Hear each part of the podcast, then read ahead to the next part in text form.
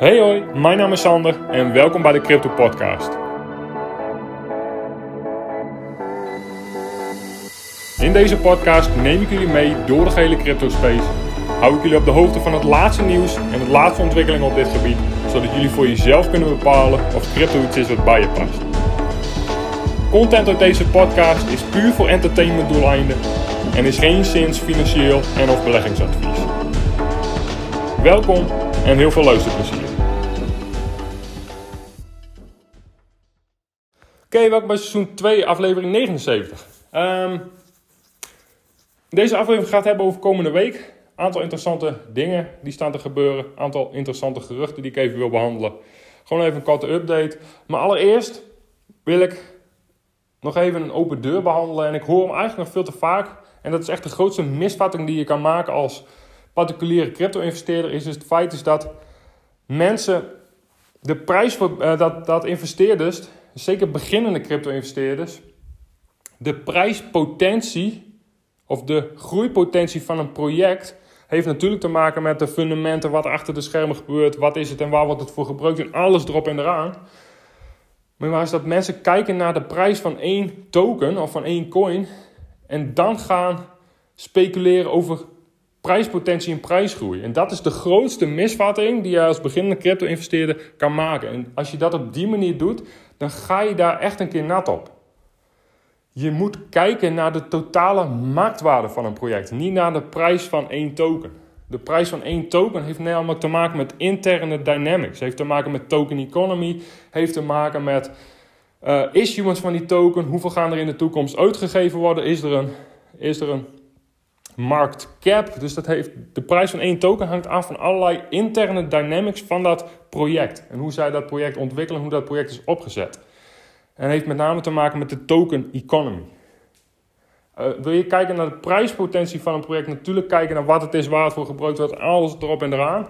Maar kijk naar de totale marktwaarde van het project. En hoe plausibel is het dat er een bepaalde hoeveelheid kapitaal in de toekomst in dat project gaat vloeien?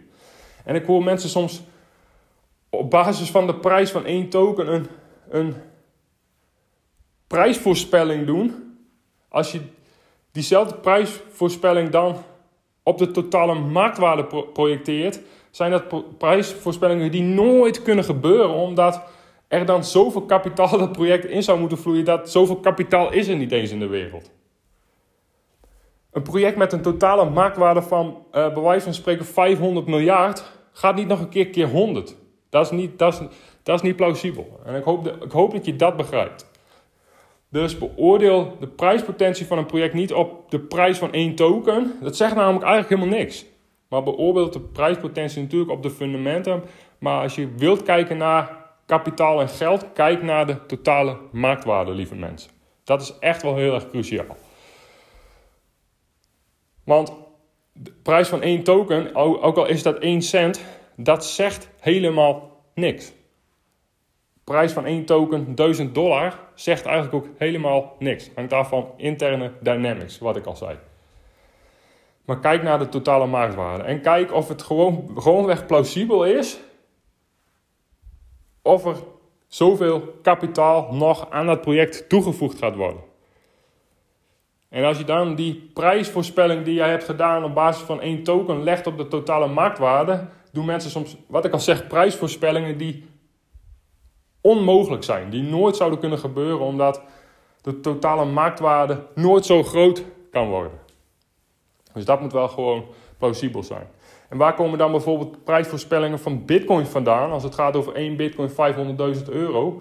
Omdat Bitcoin digitaal goud is en het plausibel is, is dat Bitcoin in de toekomst mogelijk de totale marktwaarde van goud op dit moment gaat matchen.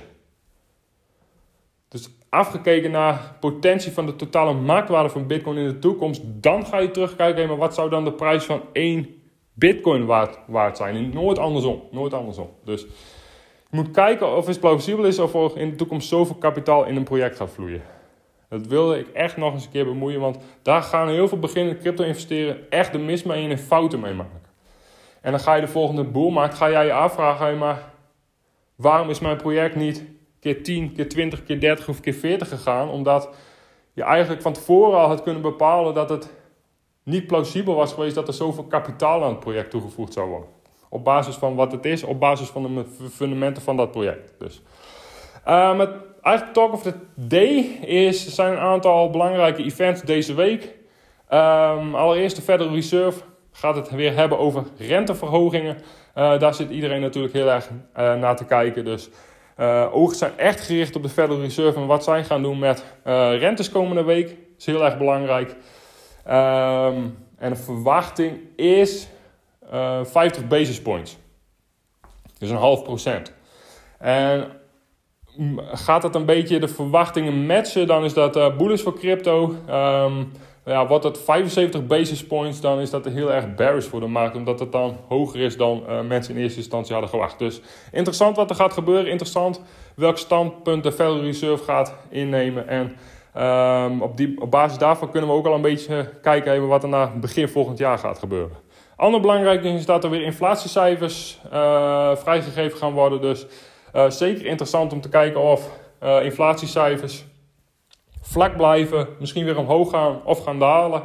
Um, en dat zal ook zeker invloed hebben op het sentiment van crypto op de korte termijn. Eigenlijk al die aankondigingen hebben eigenlijk altijd invloed op de cryptoprijs op de korte termijn. Met name handelaren en daytraders daarop aan het uh, speculeren zijn, op uh, posities op aan het innemen zijn. Maar uh, wel twee belangrijke dingen. Dus Federal Reserve met de renteverhoging en de inflatiecijfers over ja, waar we zijn op dit moment in macro-economische omstandigheden.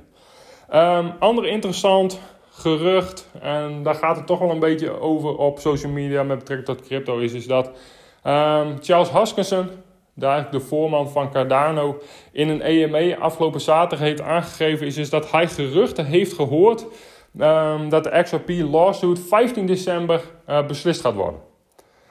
Um, ik denk het zelf persoonlijk niet. Laat ik daar gewoon heel erg eerlijk over zijn. Um, op basis van wat ik hoor, zie, voel bij de case en uh, laatste filings zijn net ingediend. En in theorie zou rechter Torres elk moment een, een, een, verdict kunnen geven. Maar ik denk dat het echt nog wel iets langer op zich gaat laten wachten totdat uh, de zaak echt goed bekeken is en uh, rechter Torres daar een uh, besluit over gaat nemen. Maar het zou natuurlijk heel goed kunnen. En de geruchten zijn er. Uh, Charles Hoskinson heeft het gezegd. Dat Charles Hoskinson ja, ergens in de wandelgangen iets heeft gehoord. Ehm, iets meer insight, kennis heeft over wat er achter de schermen gebeurt. Dat we 15 december ineens wel een uitslag hebben. Nogmaals, ik ga er niet van uit. Maar dat zou in ieder geval wel een hele erg belangrijke dag zijn. En um, dit lijken mensen ook nog steeds niet te realiseren. En crypto is natuurlijk heel erg, heeft heel erg veel te maken met tribalisme. Iedereen uh, ja, beschermt tussen aanhalingstekens zijn eigen kamp.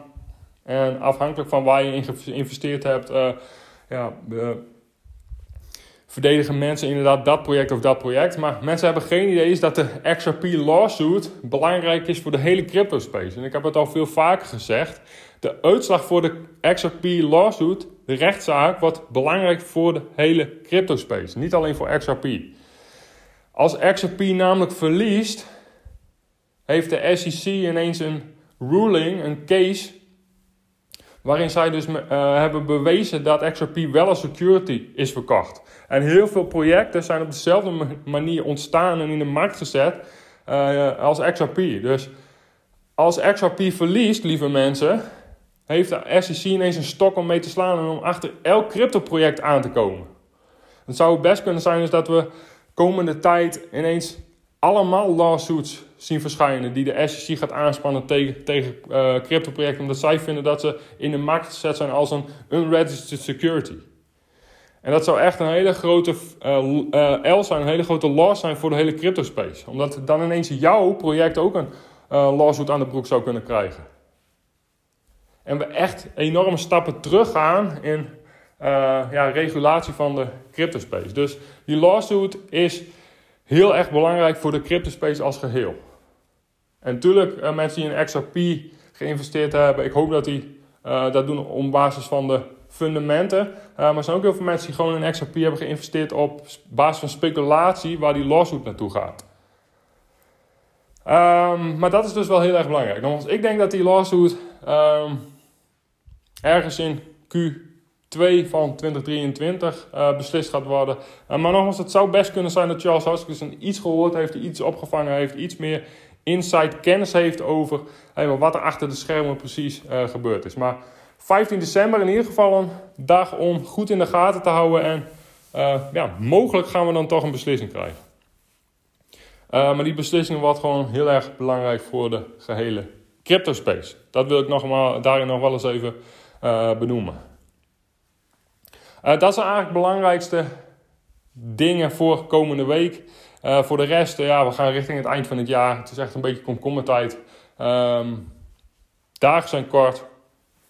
Ik merk zelf ook dat ja, winter is voor mij ook altijd een, een periode om gewoon lekker rustig aan te doen. Houtkachel aan te zetten en een beetje naar binnen te keren. Um, maar wat ik al zeg, 2023, ik kijk heel erg naar uit. Uh, wordt waarschijnlijk een heel erg interessant jaar. En uh, ja, ik hou, jullie, ik, hou jullie ik hou jullie daarvan natuurlijk uh, gewoon lekker op de hoogte. Dat was het weer voor vandaag. Heel erg bedankt voor het luisteren. Heb je vragen of suggesties? Stel ze op mijn Instagram, sandervrieswijk.nl. Tot de volgende keer.